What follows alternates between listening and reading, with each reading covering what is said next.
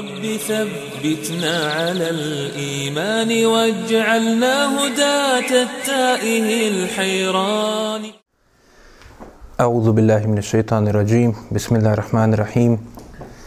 إن الحمد لله تعالى نحمده ونستعينه ونستغفره ونعوذ بالله من شرور أنفسنا ومن سيئات أعمالنا. من يهده الله فلا مضل له ومن يضلل فلا هادي له. واشهد ان لا اله الا الله وحده لا شريك له واشهد ان محمدا عبده ورسوله. ثم اما بعد. Svaka zahvala pripada Allahu subhanahu wa ta'ala. Njega slavimo i njega veličamo. Od njega pomoć tražimo. Od njega oprost za naše grijehe tražimo. Neka je salavat i salam na njegovog posljednjeg poslanika Muhameda sallallahu alihi wa sallam njegovu časnu porodcu, sve njegove ashabe, plemenite i oni koji slijede njihov put do sunnjega dana. Prošli put smo govorili o tome kako je Allaho poslanik sallallahu alihi wasallam nakon što je uzdignut u noći Isra i Mirađa kroz nebeska prostranstva, nakon što je pričao sa Allahom uzvišenim bez posrednika i vratio se sa onoga svijeta na ovaj, vratio se na Dunjaluk, prvo u Kuc, Jeruzalem, u Mešćidu Laksa, klanjao kao imam svim vjerovjesnicima i poslanicima. Allah uzvišen je dao da svi stanu i posafaju se iza njega. Allah koji je kadar da sve učini, učinio je da svi oni budu okupljeni na tom mjestu i da ih predvodi u najvažnijoj stvari na ovome svijetu najbolji čovjek. A to je u namazu da ih predvodi Allahov poslanik Muhammed sallallahu alaihi ve sellem. Nakon toga se poslanik sallallahu alaihi ve sellem vratio u Meku još čvršći i odlučniji da poziva ljude ka Allahu uzvišenom, da ih poziva u, u onaj svijet, da ih ne zavaraju ova prolazna dunjalučka uživanja i da se pripremaju za dan povratka koji je neminovan svakom čovjeku. Pa je Allahu poslanik sallallahu alaihi ve sellem, kao što smo vidjeli, u periodu, rekli smo da je noć Isra i Mirađa, ne zna se tačno kada se desila, ali ono što većina istoričara i hroničara života Allahovog poslanika, sallallahu alaihi ve sellem, se slažu, jeste da je bila nakon desete godine po poslanstvu, nakon onih teških iskušenja kojima je bio izložen Allahov poslanik, sallallahu alaihi ve sellem, i da je Allah najbolje zna to bilo vjerovatno već u sljedećoj godini, jel, 11. godini, nakon tih teških iskušenja, Allahu poslanik, sallallahu alaihi ve sellem, dobio od Allaha učešćenje i podršku time što je bio počašćen tim veličanstvenim događajem. Pa te 11. godine poslanik, sallallahu alaihi ve sellem, kao što je i već bio mu običaj u vremenima i periodima poput perioda svetih mjeseci, posebno vremena kada se hađ obavljao jer su i mušici na svoj iskrivljen način obavljali hađ i posjećivali Kjabu i sveta mjesta pored Mekke. Pa je, dakle, Allahov poslanik, sallallahu alaihi ve sellem, koristio te periode kad su dolazila ta plemena da ih pozove u islam. Tako je i ove godine. I trudio se posebno još u toj godini da još više ih pozove. Nakon svega što je preživio Allahov poslanik sallallahu alaihi ve sellem u prethodnom periodu. Allah uzvišeni mu je, kao što smo vidjeli na Mi'rađu, nagovijestio izviđenje onoga svega što je vidio na nebesima, na svakom od nebesa, one poslanike koje je vidio, nagovijestio mu je da će doći do promjene. Sure koje su mu objavljene u tom vremenu također, također su ukazivale na veliku promjenu koja će nastupiti objavljeno mu je, kao što smo rekli, sura Hud i sura Jusuf. U suri Hud, Allahovom poslaniku, sallallahu alaihi sellem, se spominju ukazivanje poslanika i vjerovjesnika. Sve nedaće koji su preživili, iskušenja, odbacivanje od naroda, vrijeđanja, kao što je Allahov poslanik, sallallahu alaihi sellem, doživio kroz ti deset godina u Mekki i malo prije toga kao što je doživio kada je otišao u Taif. Također u suri Jusuf vidio je veličanstveno kazivanje o Allahovom poslaniku Jusufu, alaihi salam, kako je počelo sa snom, onda se nastavilo kroz neprijateljstvo čak i oni najbližih Jusufu, alaihi salam, njegove braće, potomaka, kao što i on sam bio potomaka drugog Allahov poslanika, Jakuba. Pa dakle, sve te nedaće Allahov poslaniku, sallallahu alihi veselem, su bile i šaret, pokazivale mu put koji mora preći i proći, ali da je završnica će biti dobra za njega. Biće dobra za svakoga onoga koji ustraje na tom putu.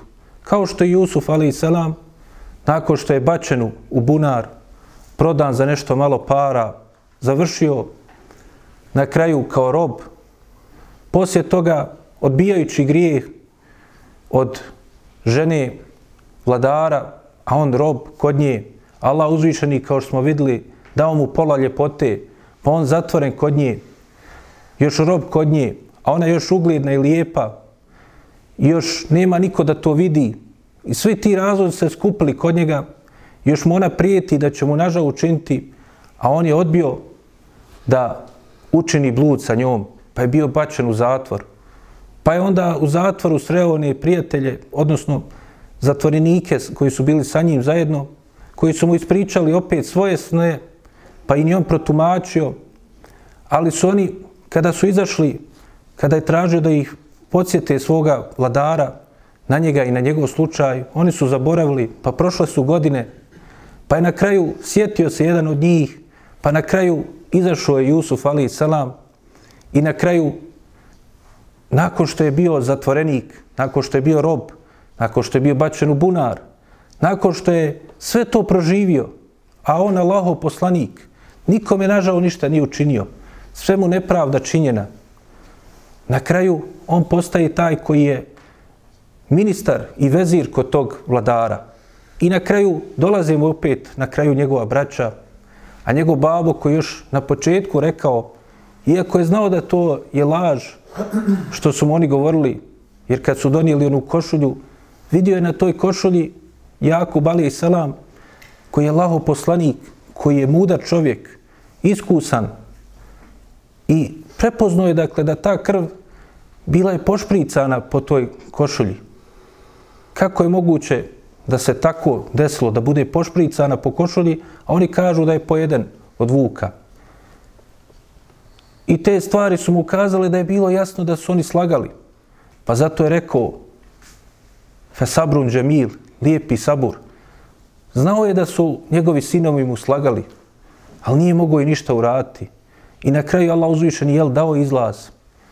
I nakon što je osaborio i Jusuf i Jakub, Allah uzvišen je sastavio i popravio stanje njihove, njegove braće koji su to sve uradili. Pokajali se i popravili nakon toga svega što su prouzrokovali. Sve su to bili šareti Allahovom poslaniku, sallallahu alaihi ve. Jer Allah uzvičan je poslao svoju objavu da bude živi primjer, da bude živa pouka na koju se čovjek treba uvijek da vraća, iz nje crpi energiju za svoj život, za svoju strajnost na putu istine. Pa Allahov poslanik sallallahu alejhi ve sellem izlaže plemenima kao što i prethodnih godina, a većina ga odbija. Odbijaju ga mnoga ugledna plemena. Prije toga odbili su ga stanovnici Mekke koji su ga najbolje poznavali.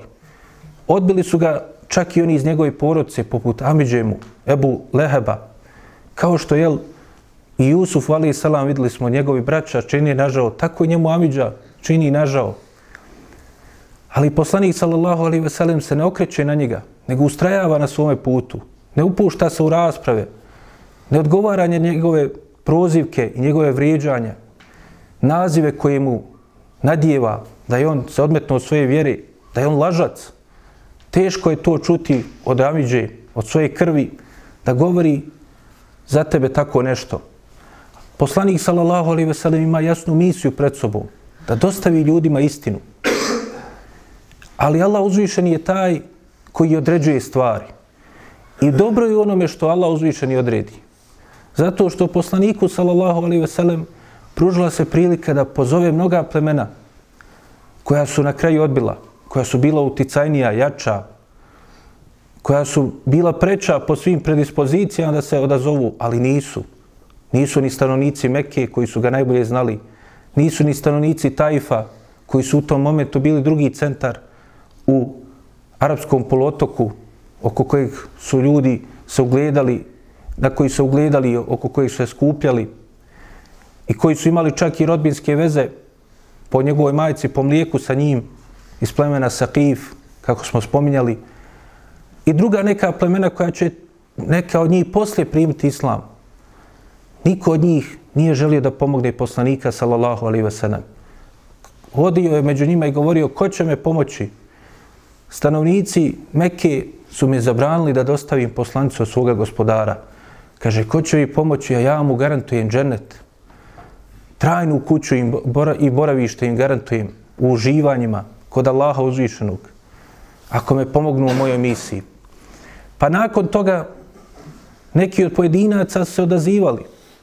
Jedan od tih pojedinaca kojeg nismo prethodno spominjali jeste Ijas ibn Muaz, koji je bio od stanovnika Medine, koja se tada zvala Jesrib, o čemu ćemo išala govoriti, kako je promijenio se naziv tog grada iz Jesribu u Medina. Dakle, stanovnici Jesriba su bili u teškim nevoljama, u teškim belajima, u teškim ratovima. 120 godina trajao je rat među stanovnicima Jesriba, to jest Medine. Pleme Eus i Hazreć, čije je porijeklo bilo jedno, su bili u stalnim sukobima. A sa njima zajedno jevreji koji su to koristili za svoj profit, posticali ratove. Pa jedna od delegacija iz Jesriba došla u Meku da traži saveznike među Kurešijama da ih pomognu protiv plemena Hazreć. Dakle, ovi su bili iz plemena Aus. I tražili su nekoga da ih podrži od Kurešija koji su bili uticajni, snažni, sposobni, imali dobri boraca, da dobiju jel, neku prednost u ratu protiv plemena Hazreć. Pa kaže, došli su, a među njima je bio i Ijas ibn Muaz. Došli su i onda je poslanik sallallahu alaihi ve sellem sreo na njihovom putu. I pitao je zašto su došli, oni su mu rekli zašto su došli.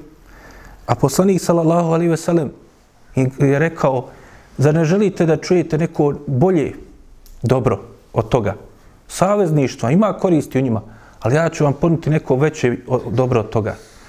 Pa je, su oni sjeli sa njim da čuju šta ima reći, pa im je on rekao da je on poslan od Allaha uzvišenog, da poziva ljude u tevhid, da ljude upozorava i odvraća od širka, onda im je izložio temelje Islama, pa nakon toga im je citirao neke od odlomaka iz Kur'ana i to je zadivilo spomenutog Ijasa ibn Muaza. Pa je rekao, kaže, mi smo došli ovde da tražimo saveznike, a ovo je neko veće i bolje i dobro za nas. Trebamo se odazvati Allahovom poslaniku. Ali oni koji su bili nadređeni njemu u toj delegaciji, oni su mu to zamirili. Čovjek pod imenom Ebul Hajsar je rekao, kaže, ti želiš da nama učiniš veliko zlo. Došli smo da tražimo saveznike, a ti želiš da mi povedemo sa sebom ovog mladića, misleći na Muhameda sallallahu alaihi ve sellem, koji nije bio mladić, ali tako su oni jel, želili da umanje njegovu vrijednost, da ga vrijeđaju, da bi jel, umanjili ono sa čim je on došao, govorili su mladić. Ne slušajte, kaže ovog mladića što priča iz našeg naroda. Tako su Kurešije plašile one koji su dolazili u Meku. Znači, uvijek se jel, nađu načini kako da se odvrati od istine. Pa to je bila jedna od njihovih metoda. U sve one ostale nazive i pridjeve i potvore koje su iznosile na, na poslanika sallallahu alaihi ve sellem, iako su i sami znali da su one lažne, ali to je jel, politika koja se vodi u borbi protiv istine. Uvijek je bila i biće. Kao što smo rekli, da nije Allah uzvišeni faraona u Kur'anu opisao onakvim kako ga je opisao i tako ga opisao i ostalo tragova toga i u prethodnim nebeskim objavama, faraon bi bio danas slavljen i među muslimanima, a i među nemuslimanima kao jedan veliki borac protiv terorizma, protiv grupe koju je neki mladić poveo, digao revoluciju protiv legalno, legalnog i legitimnog vladara, da mu sruši vlast i tako dalje, jel, misleći na Musa ali salam. Ali pošto je, svi znaju ko je bio faraon, ne mogu ga tako okarakterisati. Ali neke druge faraone tako jel, često predstavljaju. Pa dakle, oni su rekli mu kako ćeš to da uradiš i kako ćemo to uraditi mi. Nakon što smo došli da tražimo saveznike, trebamo sad da povedemo ovog mladića protiv kojeg su svi okrenuli se i sad da mi njega dovedemo i onda će nam uz problem koji imamo, rat koji vodimo sa plemenom Hazređ, sad će nam jeli kurešije postati neprijatelji. Došli da tražimo saveznike, a mi ćemo da dovedemo tog mladića koji ne, će učiniti da kurešije ne budu nam saveznici, nego još neprijatelja. imamo dodatnog neprijatelja. I na kraju je ušutio si Jas ibn Muaz, i ustali su od Allahovog poslanika, sallallahu alihi veselem, i razišli se. Oni se vratili pokušajima svoga dogovora sa Kurešima, nakon toga se vratili u Medinu, u Jesrib, a poslanik, sallallahu alaihi wasallam je nastavio da poziva. Kaže se da i ja, ibn Muaz, poslije u ratu velikom koji će izbiti ubrzo nakon toga, preselio. Preselio je i kažu da oni koji su svjedočili njegovom preseljenju, čak to ima Buharija u svojoj velikoj istoriji, to jeste knjizi u kojoj je opisivo biografije prenosilaca, neklasična knjiga istorije, kaže da Ijas ibn Muaz preselio izgovarajući šehadet, slavljajući Allaha, govoreći Subhanallah, Elhamdulillah, La ilaha illallah, Allahu Ekber. I zato ga je upisao i zabilježio imam Buharija kao od ljudi koji su bili od prvi muhađira i ensarija, zato što je jel, povjerovao Allahovog poslanika, sallallahu alihi veselem, još tom prilikom. Ali to je bio jel, nagovještaj kako će Allah uzvišeni i u prilikama i događajima koji će uslijediti promijeniti stanje i stanovnika Jesriba. Jer istinska pomoć nije u tim savezima. Istinska pomoć je pomoć Allaha uzvišenog. Čuvajući i poštujući njegove propise, onda će Allah uzvišeni dati pomoć i pobjedu. Ali događaj neki ljudi jednostavno moraju da dožive da bi to uvidjeli. Allah uzvišeni kaže u Kur'anu وَلَا يَنْسُرُنَّ اللَّهَ مَنْ يَنْسُرُهُ Kaže, Allah će pomoći one koji njega pomažu. Ne treba Allah uzvišeni našu pomoć. Allah je sve moguć. Allah uzvišeni dalje kaže Inna Allahe la kavijun aziz. Allah uzvišeni kaže je Allah je el kavi, jaki, el aziz, snažni, moćni. Nema on potrebe za pomoći. Ali kako ćemo mi pomoći? Tako što ćemo pomoći njegovu vjeru. Praktikujući njegovu, njegovu vjeru, branići propise Islama, na najbolji način i predstavljajući. Pa će Allah uzvišen jel takve da pomogne. I doista se tako i desilo stanovnicima Jesriba. Jer oni su nakon toga upali u veliki rat. Upali su u rat koji se zvao i poznat postao u istoriji kao Jeumu Buath, dan Buasa. Kaže se da je Buas bilo mjesto ili velika utvrda. Neki spominju da je to bila jedna velika bašta koja se nalazila u blizini posjeda plemena Benu Kureza. Benu Kureza je jedno od jevrijskih plemena koje je živilo u Medini. I došlo je do sukoba, naravno. Jevriji su to posticali, zarađivali na prodaj oružja, na posuđivanju novca ovim zaračenim stranama, da bi oni jel, stekli oružje koje je potrebno. Pa kaže, došlo je do velikog sukoba u kojem su i jedni i drugi preživjeli velike gubitke.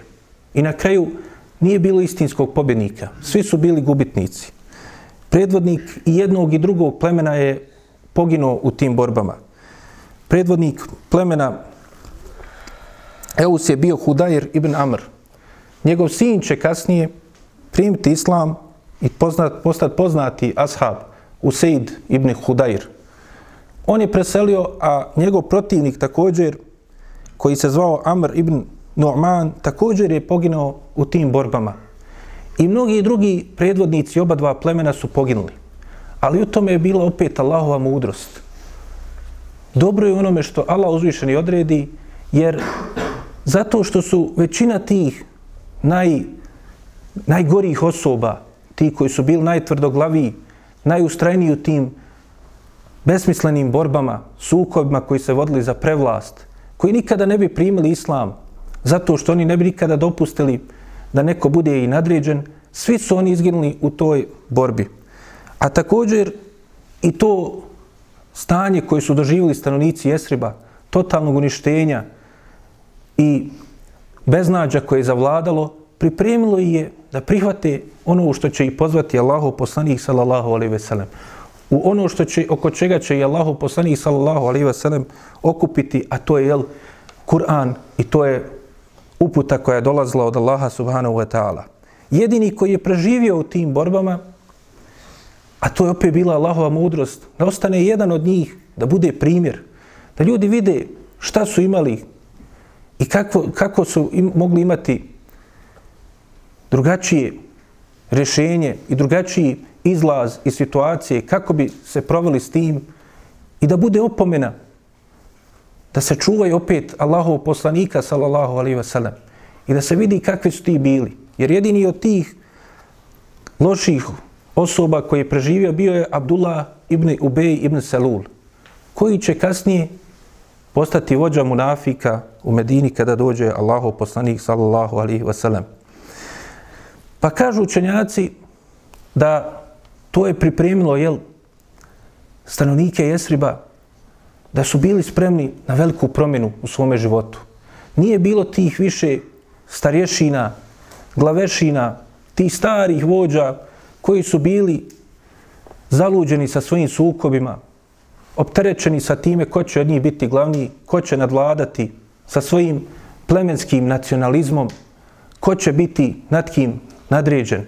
Ostala je grupa mladića ili veliki dio mladića koji su bili spremni na drugačija razmišljanja.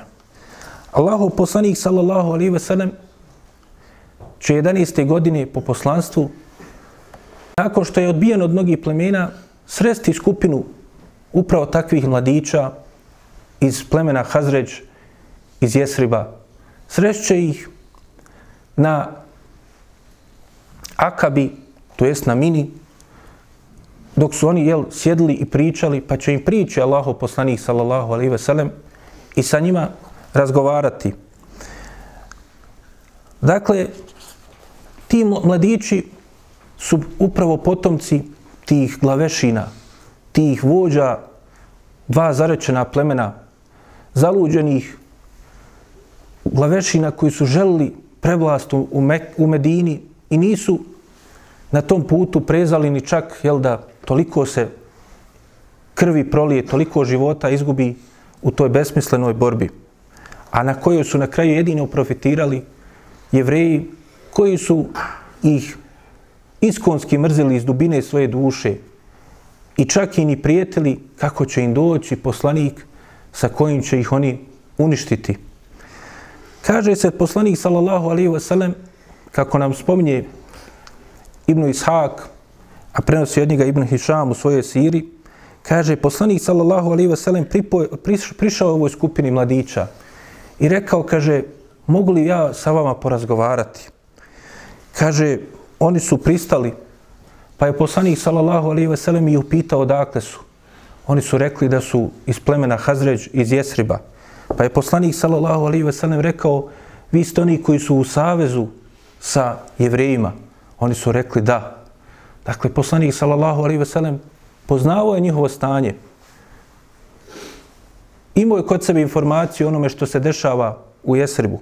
Ali nije očekivao poslanik sallallahu alaihi ve sellem da će to biti mjesto gdje će se islam raširiti. Ali Allah uzvišen je tako htio. Allah uzvišen je ono što je odabrao za poslanika sallallahu alaihi ve sellem bilo je puno bolje od onoga što je on mislio za sebe. I to je i primjer i nama. Dakle, poslanik sallallahu alaihi ve sellem, dakle, ako je tako bilo stanje sa njim, onda mi smo još preći tome. Da kada poslaniku, sallallahu alaihi ve sellem, jel Allah uzvišen je taj koji je odredio da neće u Mekki proširiti svoju vjeru, neće u Taifu, nego ta, potpuno na drugom mjestu, nakon što je on sreo delegaciju mladića, skupinu mladića iz tog grada, sasvim slučajno, ali ništa nije slučajno, jer je to sve Allah uzvišen i odredio. Nakon što su mnoga druga jača i snažnija plemena u boljim prilikama i situaciji odbili ga, dolaze jel mladići iz plemena koja su bila zaračena, koja su bila opustošena ratovima koji smo, kao, kao što smo spomenuli, trajali 120 godina prije toga. Pa kaže se, poslanik sallallahu alaihi ve sellem je sjeo sa njima i onda je pozvao Allahu uzvišenu.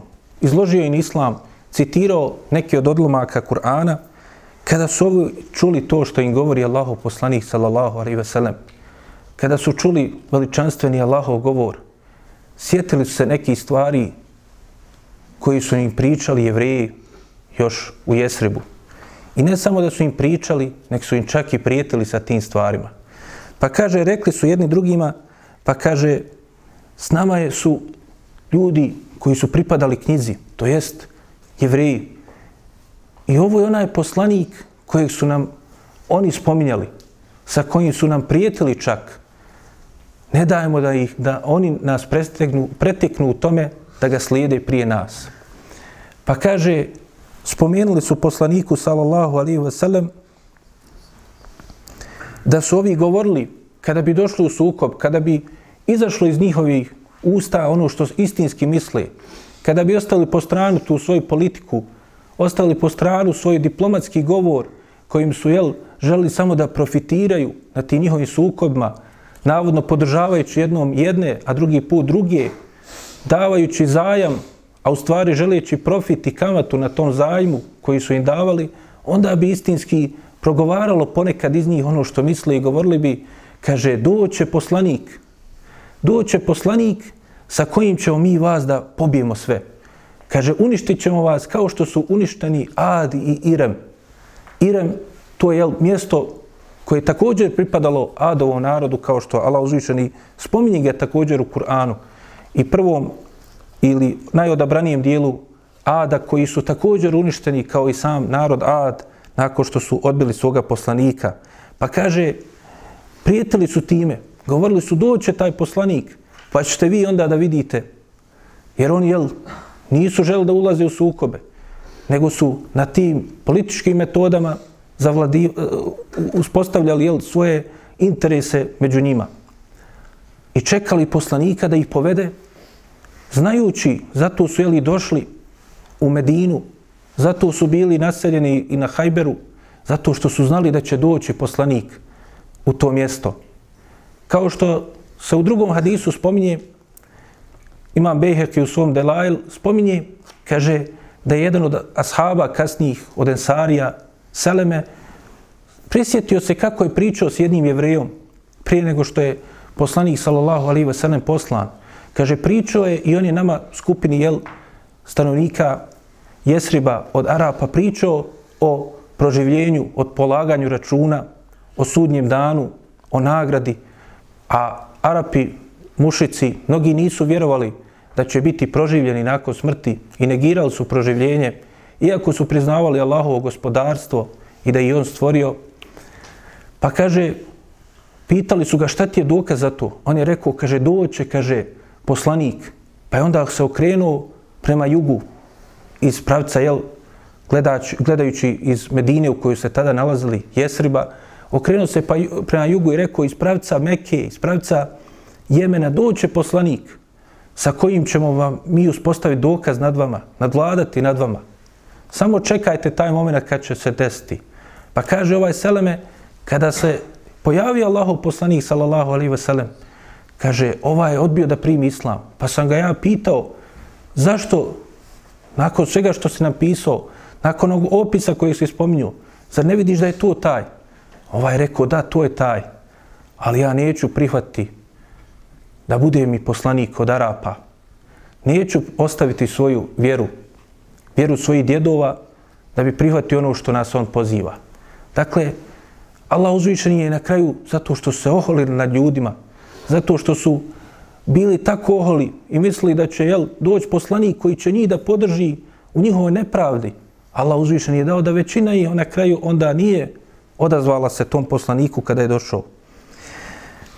Što je velika opasnost u tom oholjenju i nad propisima kada ti dođu jasni dokazi, a i također i velika opasnost toga što čovjek se zanese time što je ona istini, pa ni podištava one oko sebe zato što su na zabludi. Nije Allahov poslanik, sallallahu alaihi ve sellem, bio takav. Kaže se, nakon toga ova skupina je prihvatila ono što je pozivao Allahov poslanik, sallallahu alaihi ve sellem. I ne samo da su prihvatili, nego su rekli da će čim se vrati, da pozovu i ostali svoj narod, da se odazovu Allahom poslaniku, sallallahu alaihi ve sellem. Pa kaže se, isto ga vidimo, kako je poslanik, sallallahu alaihi ve sellem, jel i postako i na to. Dakle, iako nisu imali puno znanja, ali ono što su znali, prvo što je el poslanik, sallallahu alejhi ve sellem, pozvao jeste bio tevhid. Pozivao je i sa Kur'anom, sa Allahovim govorom. I na osnovu toga i oni su ono što su naučili u tom kratkom susretu prenosili svojim, svome narodu, tako kaže, da nije ostala kuća u Medini, a da nije došlo do nje, do nje vijest o Allahu uzvišenom i o njegovom poslaniku Muhammedu sallallahu alaihi ve sellem. Svakom spravo svoji mogućnosti more biti daja, pozivač u Allahu vjeru i zaraditi velika dobra djela na takav način. Pa kaže se prvi mesčid koji je sagrađen ili koji je bio u islamu, iako nije sagrađen kao klasični mesčid, ali prvi mesčid koji je bio, jeste bio mesčid koji je u kojem je se čak jeli učio Kur'an u Medini, bio je mesčid e, koji se zvao Benu Zurejk. To jeste porodice Zurejk od koji su bili neki od ovih mladića koji su došli, pa se jel, postao poznat i ostao zapamće kao mešćet Benu, Benu Zurejk u kojem su prvi ti muslimani u Medini klanjali. Iz čega kaže Hafiz ibn Hajar, spominjući ovaj naziv, kaže vidimo da u tome da nema problema i nije, nema smetnje da se neki mešći nazove po koji ga je sagradio ili po mjestu u kojem se nalazio ili poroci i mjesto u poroci u kojem se nalazio taj mešćit. Kada govorimo koji su to bili mladići, koji su to odabrani ljudi koje je Allah uzvišeni počastio i odabrao, da oni budu ti prvi vjesnici Islama u Jesribu, Jesribu koji će posle postati centar ne samo arapskog polotoka, nego mnogo dalje centar oko kojeg se i danas dan muslimani skupljaju, a i oni koji nisu muslimani ne mogu da ga zanemare. Dakle, bilo je šest mladića koji je tom prilikom sreo Allahov poslanik sallallahu alaihi ve sellem. Iz porodice Benu Neđar, dakle Benu, to znači jel, sinovi Neđara, što bi rekli u nas jel, kao prezime. Znači to što se kaže Benu Neđar, to je kao u nas, kao što se pripiše jel, sa onim na kraju ić nekoj porodci i dadne prezime nekoj porodci. Pa kaže, prvi od njih je bio Esad ibn Zurare, radijallahu anhu. Esad ibn Zurare je poznatiji kao Ebu Umame, radijallahu anhu. On je bio ashab koji će poslije biti prvi koji je čak predvodio stanovnike Medine u džumi i prvi koji je održao hutbu i predvodio ih na namazu na džumi. Ali on će biti prvi od ensarija koji će preseliti nakon što dođe Allahu poslanik sallallahu alaihi ve sellem i već prve godine po hijđri on će preseliti prije bitke na Bedru i biti prvi od ensarija koji je ukopan u Beqiji, mezarju poznatom koji se nalazi pored poslanikove sallallahu alaihi ve sellem džamije. Drugi je Auf ibn Harithe, Auf ibn Harith, radijallahu anhu. Auf ibn Harith je čovjek koji će poslije preseliti i biti ubijen u bitci na Bedru. Biće jel, od šehida bitke na Bedru. Oni su bili sinovi Afrae. Dakle, ova dvojica su iz iste porodice. Od Benu Zurek, dakle, prethodno spominute Benu Zurek, gdje će i biti meščit poslije uspostavljen, tu je bio Rafi, Rafija ibn Malik el-Ađlani, radijallahu anhu. Rafi ibn Malik al-Ađlani je bio poznat također kao Ebu Malik i također za njega se spominje da je bio od učesnika na bitci na Bedru i drugim bitkama koje su posle bile. Od porodce Beni Selime, koja će također biti poznata i kod koje se nalazi poznati meščit posle koji je uspostavljen, čak i danas dan poznat je kao meščit Kibletein, ali inšala vidjet ćemo da ne, neispravna je taj naziv koji je posle dobio, ali dakle još od prvih vremena on će, ta porodica će imati u svome jel, području gdje su živjeli, a živjeli su malo udaljeni od poslanikove džamije, imaće svoj meščit. Iz njihovi porodice tom prilikom bio je Kutbe ibn Amir. Kutbe je dakle od onih koji će biti na oba dvije prisege na Akabi i prvoj i drugoj, a bit će od onih koji je zajedno sa poslanikom sallallahu alaihi ve sellem bio u svim velikim bitkama, a preselio je u hilafetu Osmana radijallahu anhu. Također, iz porodce Beni Haram ibn Ka'b bio je Ukbe ibn Amir radijallahu anhu. Ukbe je također bio na oba dvije prisege u odabranoj skupini muslimana iz Jesriba i također je prisustvovao svim bitkama sa poslanikom sallallahu alaihi ve sellem, a preselio je u bitci na Jemami u borbama protiv Museileme, Lašca, El Kedaba, nakon što je poslanik sallallahu alaihi ve sellem preselio, a ovaj se proglasio za lažnog poslanika, pa se jel, povela velika bitka na Jemami protiv ovog otpadnika od Islama i njegovog, njegovih sljedbenika. Također, iz porodice Ubejd ibn Adi, is, tom prilikom sa poslanikom sallallahu alaihi ve sellem se sreo i primio islam Džaber ibn Abdullah ibn Rijab, To nije onaj poznati Džaber ibn Abdullah ibn Haram, čiji je također jel, e, i otac i sin poznati ashabi, i Džaber i Abdullah, dakle sinovi, e, sin Harama, nego je jedan drugi e, ashab Allahov poslanika, sallallahu alaihi ve sellem, koji je također jel, postao poslije poznati ensari Allahov poslanika, sallallahu alaihi wasallam, i potpomagač njegov u bitkama koje će uslijediti. Neki od istoričara spominju da su još neki bili, koji ćemo vidjeti poslije da su bili na prisegi na Akabi, ali ova šestorica su sigurno slažu svi istoričari da su bili prisutni, dok za druge jel, imaju neke predaje koje govore da su bili, ali e, dakle te predaje ili imaju neke slabosti ili nepodudarnosti u njima, pa zato dakle se istoričari spominju i hroničari života Allahu poslanika sallallahu alaihi ve sellem da je samo ovi šest mladića bilo u tom prvom susretu. Dakle, to je bilo sjeme iz kojeg će da proklije islam u Medini. Od pojedinaca je krenuo Bede il islamu gariba, va jeudu gariba kema bede, fetuba lil gureba. Kaže Allahu poslanik sallallahu alaihi ve sellem, islam je počeo sa strancima, odbačenim članovima društva, sa pojedincima, Pa kaže, vratit će se na te pojedince. I kroz neke periode ciklične koje se dešavaju kroz istoriju, a i na samom kraju Dunjaluka, ali kaže, blago se tim pojedincima. Zato što su oni sjeme dobra, kao što su ovi mladići bili. Iz njih je proklijao Islam u Medini.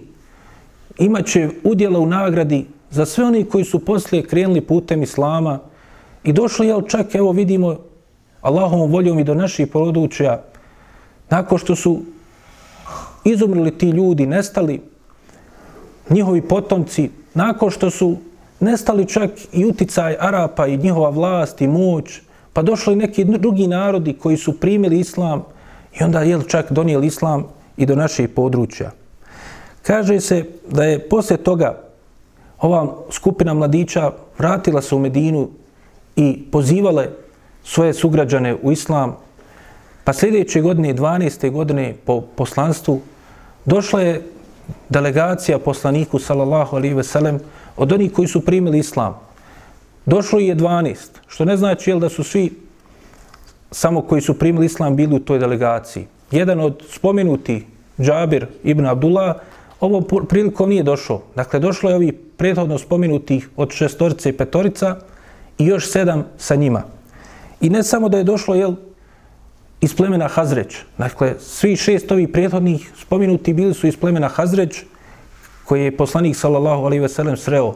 Ovo prilikom dolaze i dvojica od tih 12, dakle dvojica su bila iz plemena Eus, a deseti je bilo iz plemena Hazreć.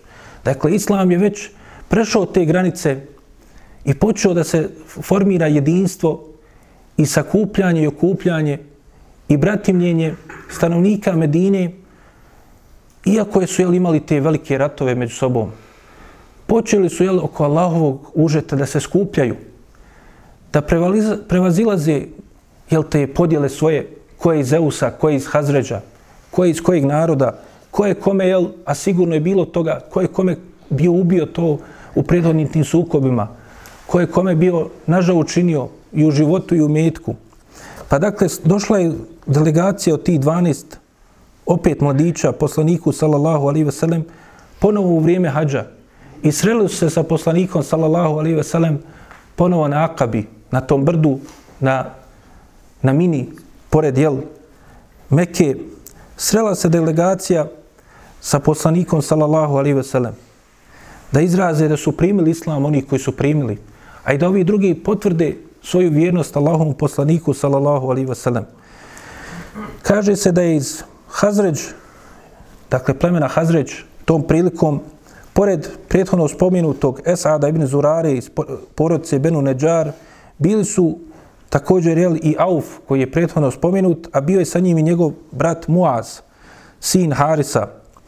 Pa kaže se da je ovaj Muaz od za detalja koje treba spomenuti iz njegovog života jeste da je on bio od učesnika skupine koja će poraziti jednog od najgorih neprijatelja Islama, a s druge strane velikog borca, hrabrog i sposobnog borca Ebu Džehla, jer će, kao što ćemo iz šala vidjeti, biti potrebno da nekoliko jaki i sposobnih ovih mladića savlada Ebu Džehla.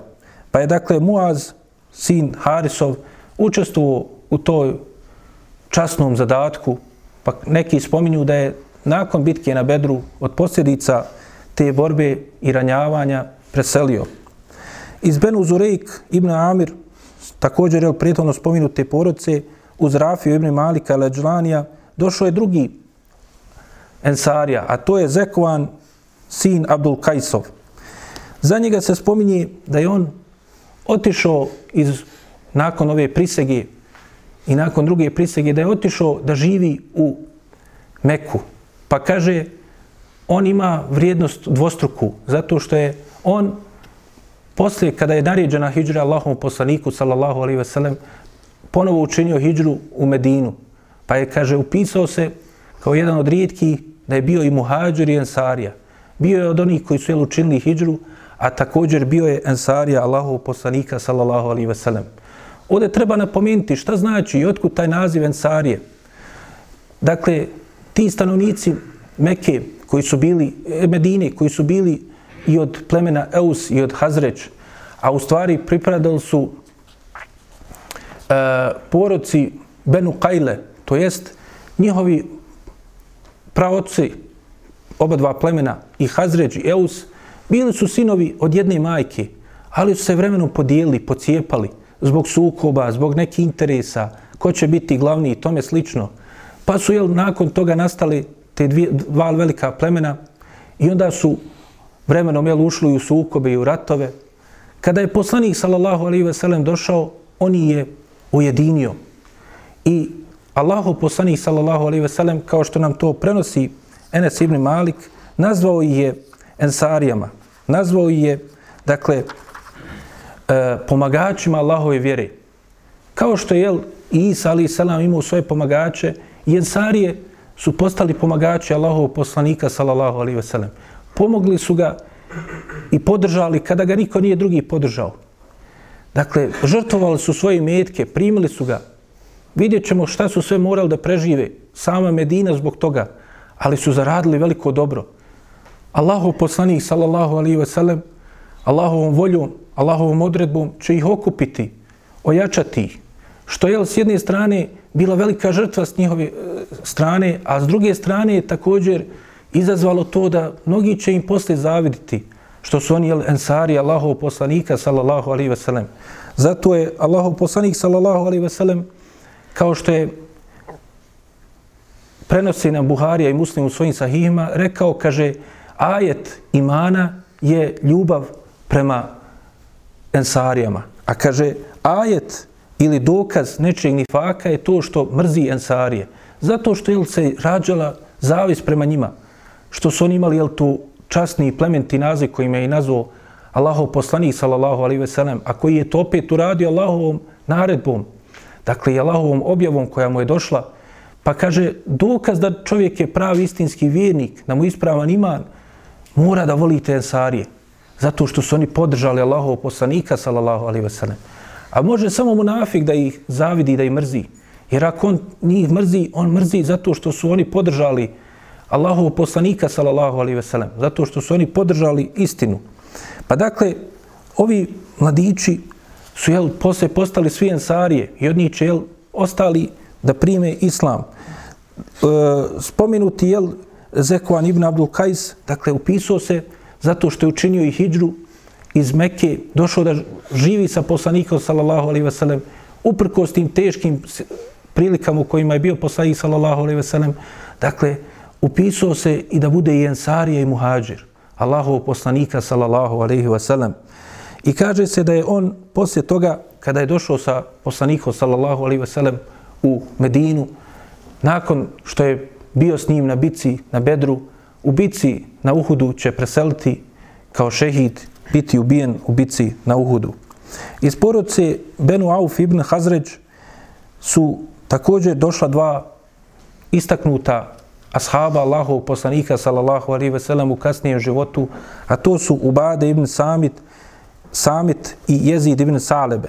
Ubade ibn Samit će biti jedan od najistaknutijih ashaba Allahov poslanika sallallahu alaihi ve sellem. Dakle, on će pristovati ovoj prvoj prisezi, a i drugoj prisegi na e, Akabi, a također u svim bitkama sa poslanikom sallallahu alaihi ve sellem. Poslije preseljenja poslanika sallallahu alaihi ve sellem, bit će jedan od najučevnija ashaba Allahov poslanika sallallahu alaihi ve sellem. Pa će ga Om, e, Omer radijallahu anhu u svome hilafetu, kada on preuzme vlast, kada se islam preširi na područje Šama, daljašnje Sirije, Palestine, Jordana i e, Libana, poslat ga kao kadiju i učitelja na područje Šama. On će se prvo naseliti u mjestu i gradu i danas poznatom Hims ili Homs. Tu će da poziva ljude i podučava islamu, da sudi među njima po Allahovoj odredbi Allahovim zakonima, a nakon toga će preseliti i nastance na području Palestine, gdje će i preseliti rahime, radijallahu anhu wa rahimahullah. Također drugi ashab jel, koji je došao s njim jeste Jezid ibn Salebe, koji je, dakle, također će biti prisutan i na drugoj prisezi, kao što ćemo išala vidjeti na Akabi. Iz porodce Benu Salim ibn Auf, doće Abbas ibn Ubade ibn Nadle. Abbas ibn uh, Ubade ibn Nadle je sličan slučaj kao Zekvan, prethodno spominuti. Jer će i on doći da živi u Meku, da uči od Allahov poslanika, sallallahu alaihi veselem. Da trpi ono što je Allahov poslanik, sallallahu alaihi veselem, trpio, ali samo da bi saznao i da bi bio blizu Allahovom poslaniku, sallallahu alaihi veselem, da bi učio od njega pa će on također jel, učiniti hijđru iz Mekke ponovo u svoj, svoje mjesto u Jesrib, pa će biti jel, i on ashab koji je istovremeno i ensarija i muhađir Allahov poslanika sallallahu alaihi ve sellem. Iz Benu Selime također ponovo će doći prethodno spomenuti Kutbe ibn Amir, iz Benu Haram ibn Kaab ponovo će doći Ukbe ibn Amir kojih smo spominjali, a ovom prilikom će doći dva ashaba iz plemena Eus, iz porodice Abdul Ešhel. Prvi je Ebul Haytham ibn E, Tejihan, kojem je ime bilo Malik ibn Atik, ali je bio poznat kao Ebul Haytham.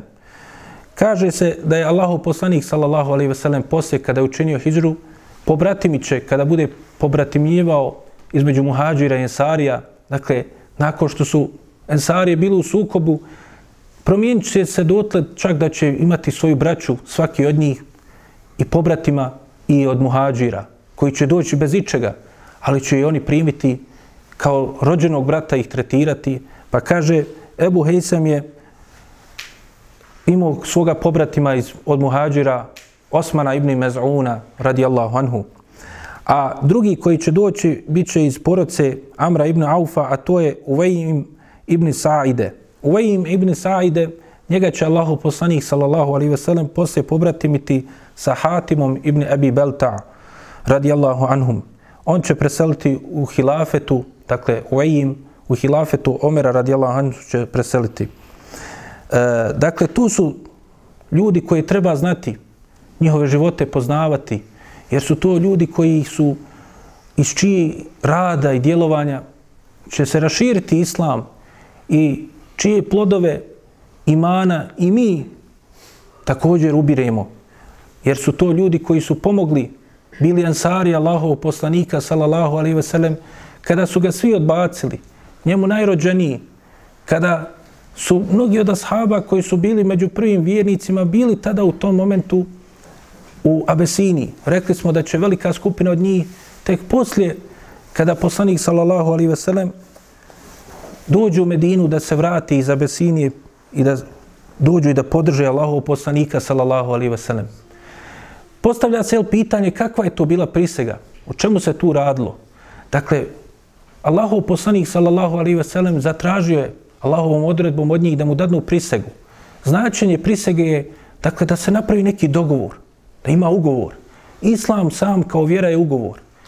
Ti si prihvatio islam, želiš da uživaš u plodovima imana, imaju neke obaveze kojima si obavezan. Da slijediš njegov Allahov poslanika, da se pokoravaš Allahovim naredbama, ali to je sve za tvoj korist.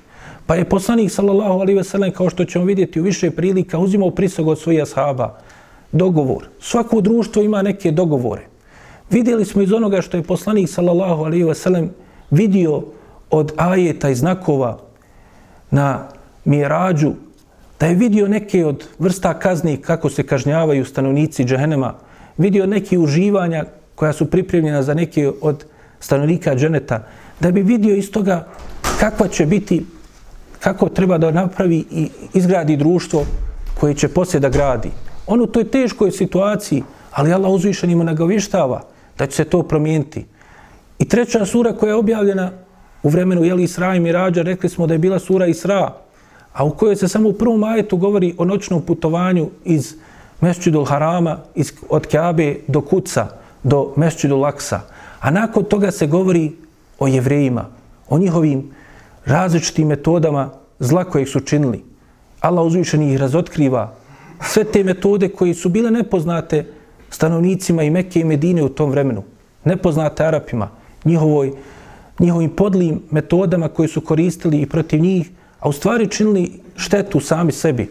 Allah uzvišeni to opisuje i priprema svoga poslanika da zna šta, šta mu slijedi u tom pre, narednom periodu. Da govještava mu da će jel, doći baš kod takvih. Pokazuje mu kako društvo i na čemu treba da gradi to društvo. Pa smo vidjeli jel, kako treba da društvo bude u ekonomskom smislu, bez kamate, kako bude međuljudski odnosi, bez ikakvog jel, uhođenja ljudi, korištenja tajni, da bi svoj interes neki ostvario, da bi nekoga ponizio, da e, bračni odnosi moraju da se uspostave, da se trebaju ljudi da udalje i od krađe, i od bluda, i svi drugi stvari jel, koji ruše društvo, da društvo bude izgrađeno na tevhidu, na ljubavi, prema Allahu subhanahu wa ta'ala, ispoljavanju njegove jednoće i badeta njemu. Dakle, to su temelji na kojima je izgrađivo Allahu poslanih sallallahu alaihi ve sellem, kao što ćemo vidjeti društvo, a ovom pri, prilikom zatražio je prisegu od ovih ljudi. Pa je u poznatom hadisu kojeg prenosi je li jedan od učesnika same te prisege u Bade ibn Samet, spominje se da je poslanik sallallahu alaihi ve sellem, kaže, traži od njih prisegu na onome na čemu je, jel, e, prisegu davale žene. To jeste, u suri Mumtehine se spominje na čemu se daju prisegu e, žene i to je poslije se desilo. Dakle, puno kasnije od ovoga momenta u životu poslanika sallallahu alaihi veselem i momenta u istoriji kada se ovo dešava. Dakle, to se dešava poslije, nakon Hudejbije, nakon dogovora na Hudejbiji i nakon oslobođenja Mekke. Dakle, u toj prisezi, jel, ženama ne spominje se borba. A to se, jel, poklapa i sa ovim periodom. Još nije borba bila naređena a, ashabima Allahov poslanika, sallallahu alaihi veselem. E, pa također, jel, spominje se, dakle, da je tom prilikom i kod Buhari i muslima je došlo opis toga šta je bila ta prisega koju spominje u ibn Samit, a to je dakle da su dali prisegu da neće činiti širka Allahu uzvišenom, da neće krasti, da neće blud činiti, da neće ubijati svoju djecu, spominuto je ubijanje svoje djece, jel, zato što je to bila najgora stvar koju su radili, zato što su se bojali jel, siromaštva, pa su ubijali svoju djecu i zato što su jel, žensku djecu prezirali i da je to bio najgori oblik pre, dakle, prekidanja rodbinskih veza, što jel, želi se reći da sve to obuhvata. Dakle, nemoj se bojati za svoj nafaku, održavaj rodbinske veze. Znači, a najgora stvar koja, kojom to sve rušiš jeste to ubijanje djece koje su činili Arapi u svome džahilijetu. Također, jel, da neće potvarati svoje supruge da su učinile blud nepravedno, E, što je jel, opet najgora stvar koja se radi sa jezikom. Znači, a što podrazumijeva jel, da onda neće im također ni lagati i druge stvari raditi koje se rade od grijeha koje se čine jezikom. E, I također da će oni biti pokorni poslaniku u o, onome što je dobro i da će, kaže, podržat ga i sačuvat ga od svega onoga što ih može ga zadesiti, da će ga štititi, kaže, kao što štite svoje porodce, svoju djecu. E, pa kaže, ako to urade, da će Allah uzvišeni e, onaj, i nagraditi dženetom, a kaže, ako nešto od toga prekrše, pa budu kaženi da dunjalku, to će im biti iskup, a kaže, a onaj koji umre na tome, jel, a pogriješio je nešto od toga, Allah će im, kaže, ili oprostiti ili kazniti. Kaže, imam nevevi tumačujući ovaj dio hadisa kod imama u Sahihu muslima, u svome komentaru na Sahihu muslim, kaže, misli se na te grijehe, jel, mimo širka. Dakle, zato što širk, kao što znamo, Allah uzviše neće oprostiti onome koji se ne pokaje od njega. E, no, međutim, jel, iz ovih predaja nije jasno kada je bila ova prisega. A spomenuli smo jel, da je bilo više prisega u životu Allahov poslanika, sallallahu alaihi ve sellem. Ima Ibn Kethir u svojoj istoriji kaže da je ovaj hadis odnosi na tu prisegu na Akabi, ali s druge strane e, Ibn Hajar kaže da to se odnosi na puno kasniju prisegu koja će biti nakon oslobođenja Mekke kada su ponovo ashabi davali prisegu Allahovu poslaniku sallallahu alaihi ve sellem. E, imam Ibn Hajar e, tumačujući ovaj hadis u komentaru Buhari, u svome poznatom komentaru e, Fethul Bariju, se vraća na neki jedan drugi hadis kod imama Ahmeda u kojem se kaže da je uh, Allah e, uh, Ubada ibn Samit također jednom prilikom kada je pričao sa Ebu Hurirom kod Muavije, dakle pošlo kada je preselio poslanik sallallahu alaihi ve sellem i kada su oni sreli kod Muavije koji je tada bio halifa na njegovom dvoru u Damasku, onda je Ebu Huriri spomenuo Ubada ibn Samit, kaže ti nisi bio s nama kada smo mi davali prisegu poslaniku sallallahu alaihi ve sellem. Vidjeli smo jeli, slučaje Tufejla ibn Amra Edausija da Ebu Hureyre će tek poslije, nakon bitke na Hajberu, primiti islam.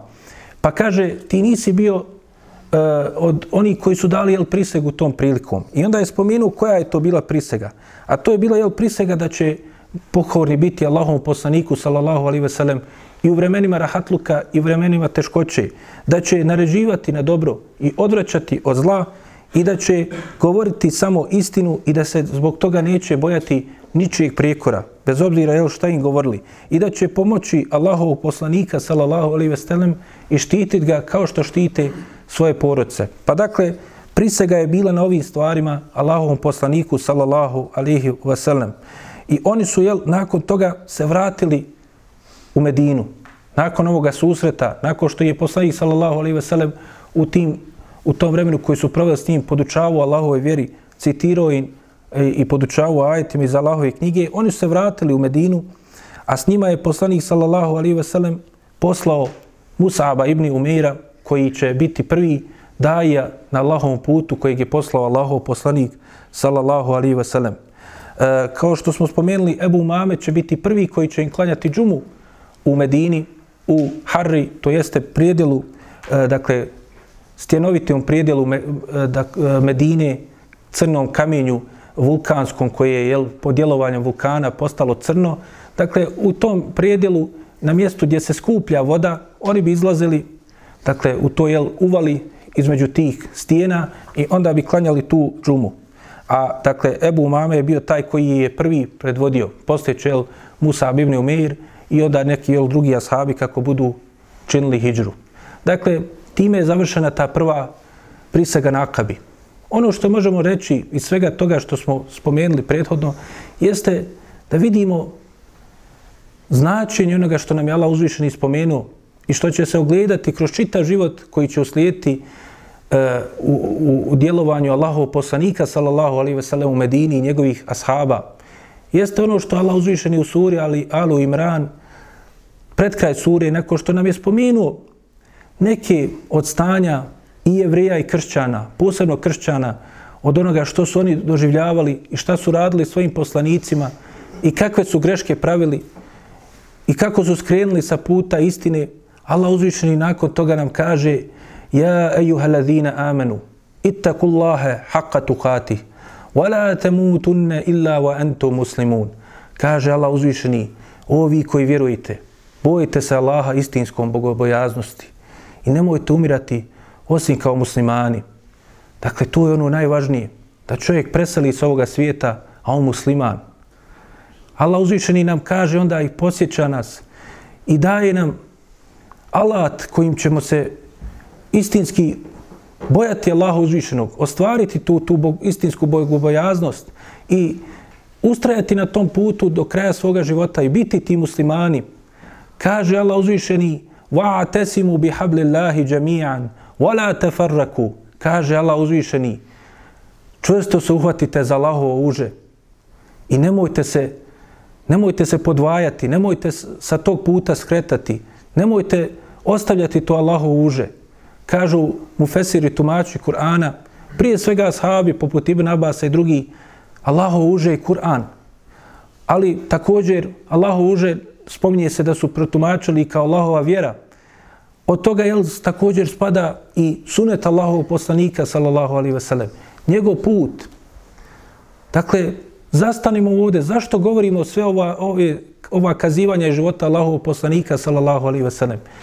Da bi se ugledalo na Allahovog poslanika, sallallahu alaihi sellem. Da bi videli kako su uspjeli oni koji su uspjeli, pa da i mi uspijemo. Kako da ustrajemo na putu istine, da nađemo u tome jel, snagu i energiju, uputu, pouku, kako da ustrajemo na putu istine. Allah uzvišeni kaže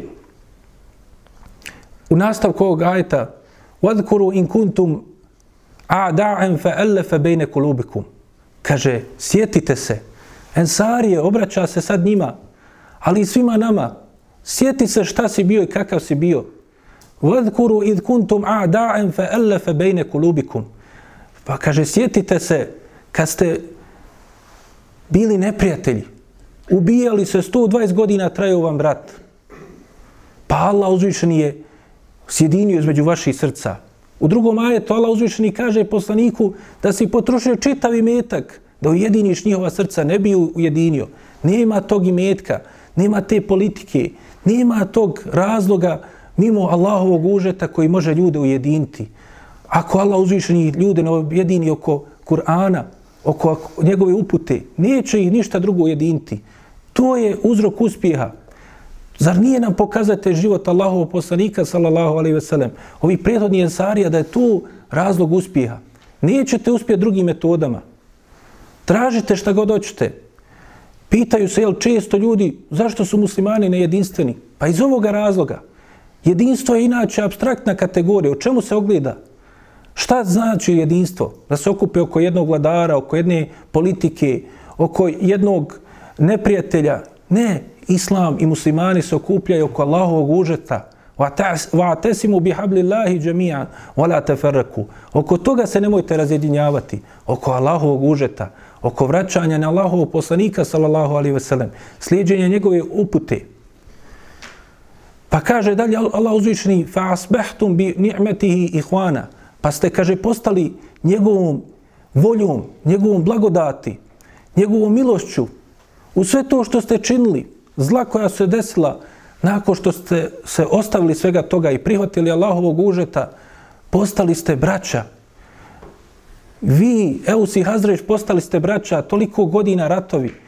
Vi, Ensarije, nakon što ste vi postali braća, postajite braća sa muhađirima, ljudima koji su došli bez ičega, sa kojima dijelite svoje metke, svoje, sve ono što imate, trpite razne nevolje. Muslimani, razni narodi, primate islam, okupljate se. Oko čega, šta vas je to što vas je okupilo? Do juče, jel, zaračeni su bili ti, dakle, sami Arapi međusobno. A kako onda još sa drugim narodima da su jedini? Oko Allahovog užeta. Jedino je to što je moglo da vas ujedini. Dakle, Allah uzvičeni dalje kaže وَكُنْتُمْ عَلَى ala shafa مِنَ minan nar fa minha a kaže bili ste toliko blizu da potpuno uništeni budete. Bili ste na ivici vatrene provalije pa vas je Allah uzvišeni vratio. To je velika blagodat na kojoj treba čovjek biti zahvalan. Svaki pojedinac i da zna samo tako se može sačuvati. Allah uzvišeni dalje kaže كَذَلِكَ يُبَيِّنُ اللَّهُ ayatihi لَعَلَّكُمْ tahtadun Tako Allah uzvišeni izlaže ajete kroz život poslanika sallallahu alaihi veselem, kroz ono što mu se desilo, da bi vi uzeli pouku. Allah uzvičeni to sve izlaže i ove ajete prethodno spominute u Kur'anu samom. Dakle, da bi vi, kaže, bili upućeni, da bi se na to pozvali, da bi na, tako ustrajali. Pa onda Allah uzvičeni nakon toga izlaže kako treba da se ponašate. Kaže, Wal taku minkum ummetun yad'una ila al-khair. Kaže neka bude skupina od vas koja će pozivati na dobro wal ya'muruna bil ma'rufi wa yanhauna 'anil munkar. Nije dovoljno samo da pozivaju na dobro. Pozivamo lijepe ljepote Islama. Morate da naređujete na dobro. Prvo sami od sebe počnite. A onda i oni oko sebe koji, koji, koji, koji su vam najbliži, vaše porodice, a onda ostali, da pozivate u dobro, وَيَنْهَوْنَ anil الْمُنْكَرِ i da upozoravate o zla. Allah uzvišeni kaže za takve, ulaike humul muflihun. Ti su uspjeli. Ti će ostvariti uspjeh. Koji se pokorili Allahu uzvišenom, koji slijede njegov, njegov poslanika, koji ne filozofiraju, ne izmišljaju razloge zašto da ostave sunet Allahov poslanika sallallahu alaihi ve sellem. Da ljude odvrate od činjenja bilo kojeg suneta Allahov poslanika sallallahu alaihi ve sellem. Nego naređuju na dobro, a odvraćaju od zla. Toliko zala ljudi se trude da ljude odvrate od nekog suneta Allahov poslanika sallallahu alaihi ve sellem. Strašna je to stvar. Strašna je to stvar da se tako nešto čini i radi. Jer Allah uzvišeni kaže وَلَا تَكُونُوا كَلَّذِينَ تَفَرَقُوا وَحْتَلَفُوا مِنْ بَعْدِ مَا جَاءَتْهُمُ الْبَيْنَاتِ Prethodno su spomenuti jevreji i kršćani kojima su došli dokazi, došli najbolji Allahovi robovi, Musa, Isa, koji je poslanik sallallahu alejhi ve sellem sreo, pozivaju se na Ibrahim alejhi salam, ali su se oni nakon toga podijelili i razišli nakon što su im došli dokazi. Faulaike hum e, e, faulaike lahum azabun azim, a njima kaže zbog toga što su radili, njima pripada teška kazna. Jer na kraju valja se vratiti Allahu uzvišenom. A na sudnje danu kaže Allah uzvišen i dalje u tim ajetima Jeume te bjedul vuđuh, va te svedul vuđuh. Tog dana nema trećeg. Biće lica kojama će lica biti bijela i lica biti crna. Dakle, samo dvije skupine. U kojoj ćeš biti? Jome te bjedul vođud, va te svedul vođud. Vođuh. Fa emma ladine sveddet vuđuhum, fa fi eh, kaže Allah uzvišeni fa amma alladhina swaddat wujuhuhum oni kojima su crna lica toga dana ekefertum ba'da imanikum kaže biće im rečeno zar ste uznevjerovali nakon što ste povjerovali kažu tumači Kur'ana Ibn Abbas i drugi ashabi kažu jel to se odnosi na munafike oni su uzne, vjerovali pa su uznevjerovali kao što su jel Abdullah ibn Ubej ibn Salus spomenuti oni koji su ga slijedili nakon što su vidjeli to ujedinjenje, nakon što su vidjeli te blagodati Allahove, oni su uznevjerovali. Ostavili su Allahu uže, suprostavljali su, pomagali su i mušike i od Kurejiša, pomagali jevrije protiv poslanika, sallallahu alaihi ve sellem. Ali također, kaže Ibn Abbas, toga dana će ka biti, kaže, bijela lica ehli suneta, oni koji su slijedili sunet, koji su slijedili poslanika, sallallahu alaihi ve sellem, a crna lica će biti od novotara, od onih koji se suprostavili poslaniku sallallahu alaihi ve sellem. Najgori od njih su jel, nevjernici i munafici, ali oni koji idu tim putem, zar se ne boje da će doći do toga? Da će makar biti skrenuti koliko malo sa puta poslanika sallallahu alaihi ve sellem. Kaže im se i bit će im, nakon što im je rečeno, ekefertum bade imanikum, fazukul azab al harik bima kuntum tekfurun. Kaže, sada što ste bili takvi, sada kušajte tu vatru, tu tešku kaznu, kušajte zato što ste uznevjerovali i zbog tog vašeg nevjerovanja. A kaže Allah uzvišeni, وَأَمَّا amma alladhina وُجُوهُهُمْ wujuhuhum fa fi هُمْ hum fiha khalidun. A kaže oni koji su bijeli lica toga dana, oni će biti Allahove milosti. Oni će biti sa tim ashabima koji su slijedili Allahov poslanika sallallahu alaihi ve sellem, koji su radi istine bili spremni da trpe razne prigovore, razna kuđenja od ljudi, razne zijete, jer takav je put istine. Neminovno je da neprijatelj istine će se suprostaviti istini, ali ustraj, budi čvrst i postoja na putu istine. Nemoj se okretati na takve. Poziva ljude u dobro, naređuj dobro i odvraćaj od zla. Ustraj na tom putu i bit ćeš u Allahovoj milosti i u Allahovim blagodatima koji će vječno da traju. Molim Allaha subhanahu wa ta'ala da nas učini od istinskih sljedbenika Allahov poslanika sallallahu alaihi ve sellem, da nam povećaju ljubav prema njemu. Molim ga subhanahu wa ta'ala da pomogne muslimane na svakom mjestu, potlačene od njih posebno, zatvoreni muslimane posebno. Molim ga subhanahu wa ta'ala da popravi stanje muslimana, da i vrati njihove vjeri, da uputi nas i naš narod na put istine, na put slijedženja Kur'ana i sunneta. آمين. سبحانك اللهم وبحمدك أشهد أن لا إله إلا أنت أستغفرك وأتوب إليك. يا رب ثبتنا على الإيمان واجعلنا هداة التائه الحيران.